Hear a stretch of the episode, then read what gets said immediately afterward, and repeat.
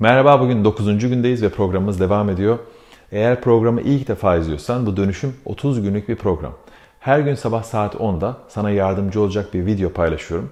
Orada bazı alışkanlıkları değiştirmene yardımcı oluyorum. Sana çeşitli psikolojik araçlarla ilgili bir şeyler öğretiyorum. Sen onları uyguluyorsun ve gelişmeye başlıyoruz. Ve aklına takılan bir şeyler varsa yorum bölümüne yazıyorsun. Ben de elimden geleni yapıyorum.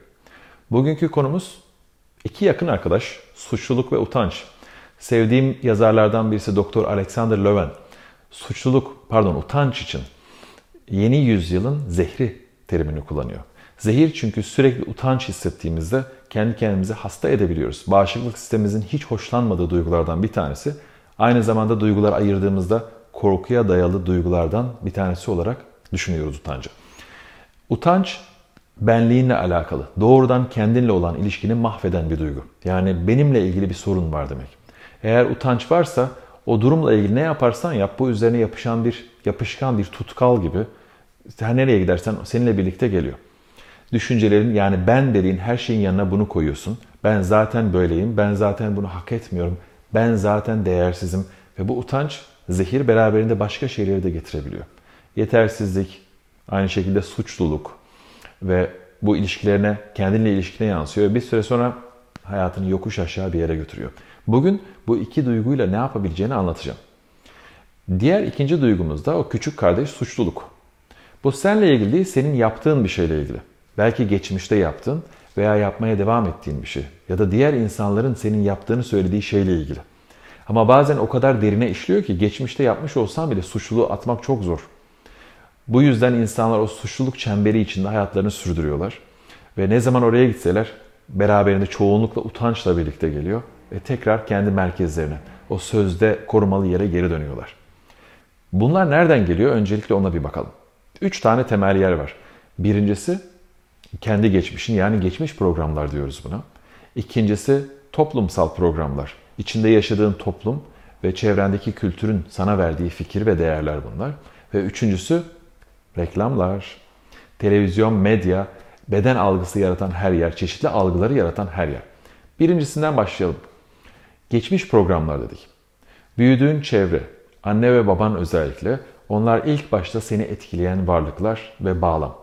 Orada duyduğun şeyler özellikle sürekli tekrarlanan mesajlar, onlarla birlikte senin hissettiğin ve iç, içselleştirdiğin şeyler. Bunlar inançlar, çeşitli duygular ya da seni sınırlayan düşünceler olabilir. Mesela aile sürekli eğer eleştiriyorsa bir süre sonra çocukta utanç oluşuyor. Çünkü ne yaparsa yapsın o yüksek standardı bir türlü karşılayamıyor.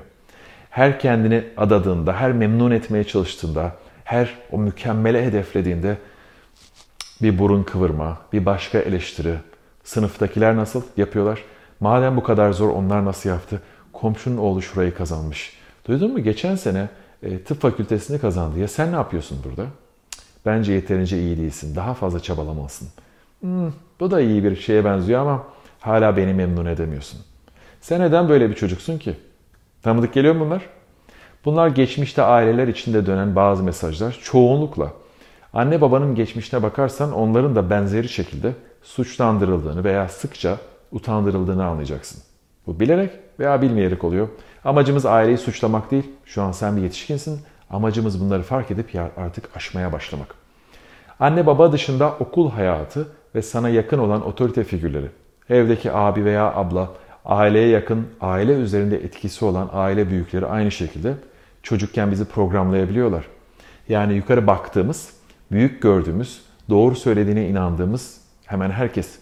O yaşlarda mantıklı zihnimiz henüz yerleşmediği için duyguları almak, o fikirleri içselleştirmek daha kolay oluyor.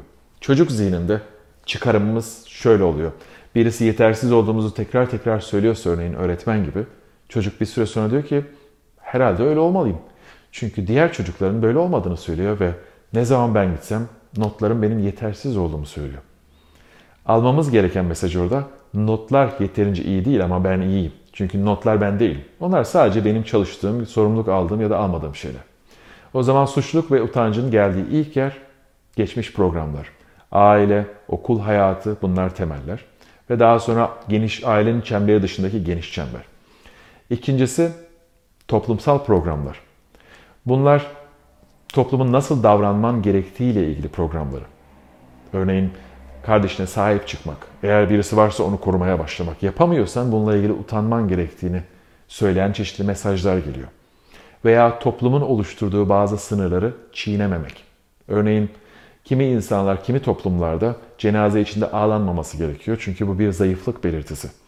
Böyle olunca birisi ağlamaya başladığı zaman orada ölen kişiden ziyade daha da kötü hissetmeye başlıyor. Davranışla ilgili kötü hissediyor. Ve bir süre sonra zayıf olarak damgalanıyor. Bu toplumsal ve kültürel şeyler biz farkında olmadan içine doğduğumuz için bizi çok hızlı programlıyorlar. Onları doğru olarak kabul ediyoruz. Eğer başka bir topluma doğsaydın onları doğru olarak kabul ederdin. Ve buna verilebilecek yüzlerce örnek var. Nasıl oturup kalkılması gerekiyor, nasıl yemek yenmesi gerekiyor. Ve farklı bir topluma gittiğin zaman bunlar değiştiği için kaygan bir zemindesin. Ne yapacağını bilmiyorsun bu yüzden. Örneğin biz masada yemek yiyoruz ve yemeğe otururken belki bazı aileler dua ediyor, kimisi çeşitli bir ritüel uyguluyor. Japonya'ya gidiyorsun, herkes yerde yiyor ve onların kendine yönelik bir ritüelleri var. Toplumsal programlar yıkıcı da olabiliyor maalesef. Özellikle içinde yetiştiğin çevre seni yanlış bir şekilde programlıyorsa. Üçüncüsü ve sonuncusu bence en etkililerinden bir tanesi bir yetişkin olmana rağmen seni programlayan reklamlar. Reklamlara basit deyip geçme lütfen. Senin üzerinde müthiş bir etkiye sahipler. Aldığın her marka, sözde güvenerek aldığın şeyler aslında reklamların etkisi.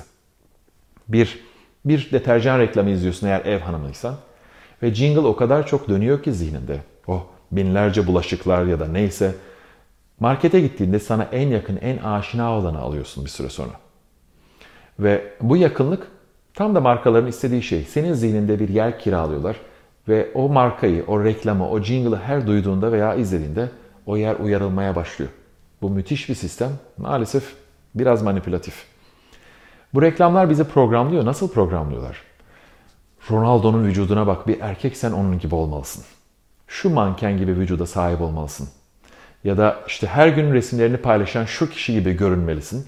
Bunun gibi giyinmelisin. Reklamların bize basitçe söylemek istediği eğer sen bu değilsen yeterince iyi değilsin. Bu saati takmıyorsan, şu marka kıyafeti giymiyorsan ya da vücudun belirli ölçülerde değilse yeterince erkek, kadın değilsin veya beğenilmeyeceksin, kabul görmeyeceksin. Basitçe bizi bulunduğumuz yerden alıp başka ihtiyaçlarımız olduğuna inandırıyor, yeniden programlamayı amaçlıyorlar. Ve bazen bunu da keyifle yapıyoruz. Bir markayı satın aldıktan sonra haz duyuyor ve onu giydikten sonra daha iyi hissediyoruz. Birileri zihnimizde büyük oyunlar çeviriyor. Bunlar programlamanın parçaları. Bunlara uyamadığımız zaman, örneğin eğer o markalar, o reklamlar sana çok zayıf olmanı, zarif durmanı sürekli bir işte kuğu gibi davranman gerektiğini söylüyorsa çünkü reklamlarda böyle. Kırılgan bir kuğu gibi. Ve sen öyle değilsen o zaman toplum seni itmeye başlıyor. Göze batıyorsun yani. Bu da programlamanın bir parçası. O kadar yaygın ki içinde yaşamak oldukça zorlaşıyor. Bu da beraberinde utanç veya farklılıktan dolayı suçluluk yaratabiliyor. Peki şimdi sen bunlarla ilgili ne yapabilirsin? Yapabileceğin en basit şey üç adımdan oluşacak. Diyelim ki bu utanç duygusu veya suçluluk duygusu geliyor. Sık yaşadığın bir duygu. O duygu geldiğinde bir şeye uzanıyorsun, kaçıyorsun, kendi içinde kavga ediyorsun, kendine kızıyorsun, kendini yargılıyorsun. Bunlar genellikle bu duyguyu bastırmak için yaptığımız şeyler. Bugün tam tersini yapacağız. Yok onu arttırmayacağız. Onu gözlemlemeye başlayacağız ama farklı bir şekilde. İçeri döndüğünde özellikle bu utanç veya suçluluk geldiğinde önce gözlerini kapat. Daha sonra kendine sor şu anda bedenimde neler oluyor? Hatırlarsan farkındalık sadece buradan yukarısıyla ilgili değil. Çoğunluğu bedenle ilgili. Çünkü burada olan biten şeyleri fark etmiyorsan seni otomatik pilota götürüyor. Burası kimyanın değiştiği yer, seni etkilediği yer. Eğer burayı fark ediyorsan içerideki şovu değiştirebilirsin. Fark etmiyorsan şovu bir başkası yönetiyor. Otomatik zihnin. Gözlerini kapatıyorsun suçluluk veya utanç duygusu geldiğinde daha meraklı bir gözle ona soruyorsun. Şu anda benim bedenimde ne oluyor? Bu duygulara baktığın zaman bedende çeşitli farklılıklar hissedeceksin. Örneğin bir kasılma, göğüs kafesine sıkışma veya bir baskı hissi, bazı insanların omuzlarında ağırlık. Bunları hissettiğin zaman ikinci bir soru sor. Yine gözlerin kapalıyken.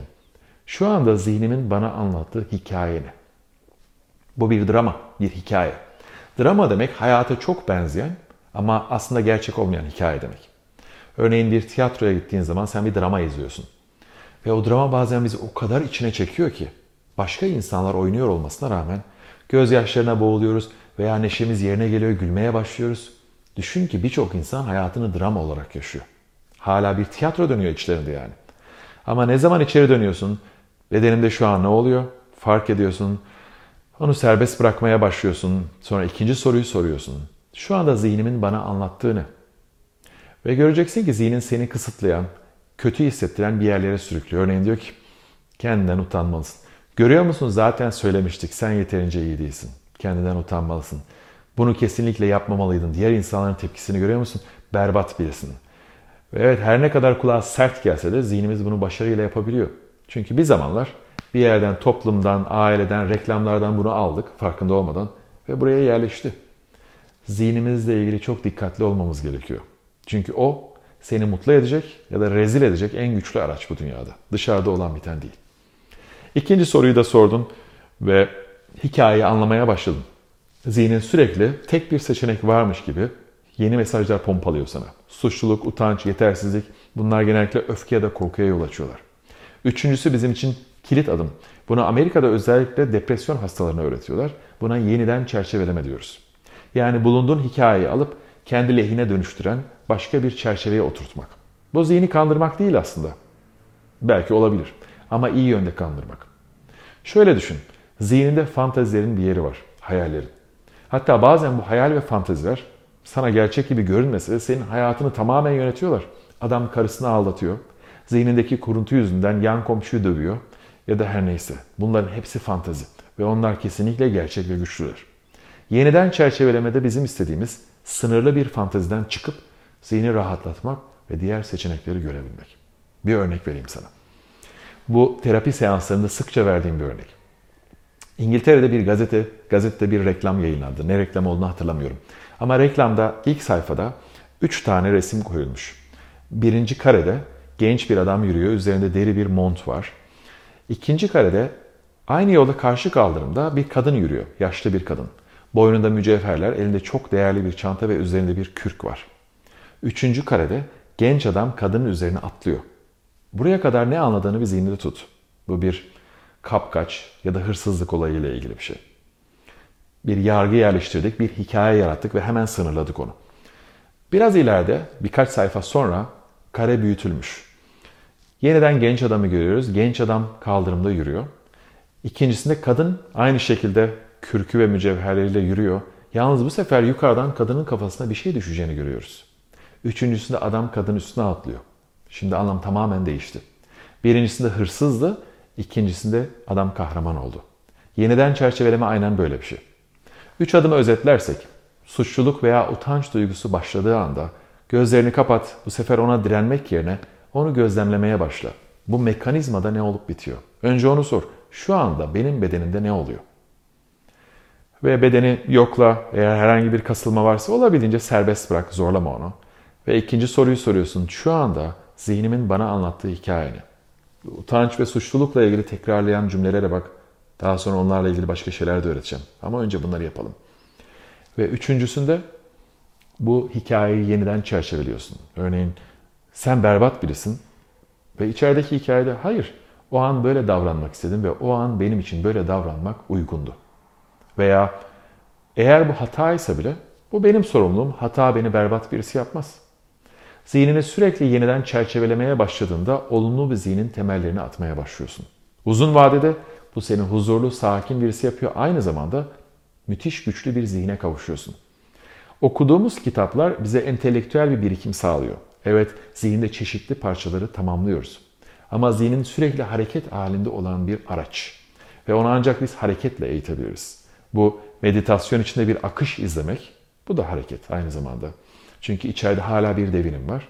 Veya gözlerini kapatıp gün içinde bu tür egzersizlere yönelmek. Bir uygula ve neler olup bitiyor yorumlarda paylaşırsan çok memnun olurum. Umarım beğenmişsindir. Seninle olmak güzel. Yolculuğa devam ediyoruz. Bırakma. Zorlandığın anda buradayız. Unutma videolar devam ediyor. Kaçırırsan geri dön. Birkaç gün kaçırırsan birkaç günlük videoyu izle. Ama devam et. Bu senin hayatın. Ve senin zihnin üzerinde ne kadar çalışıyorsan o kadar meyvelerini verimli bir şekilde toplayacaksın.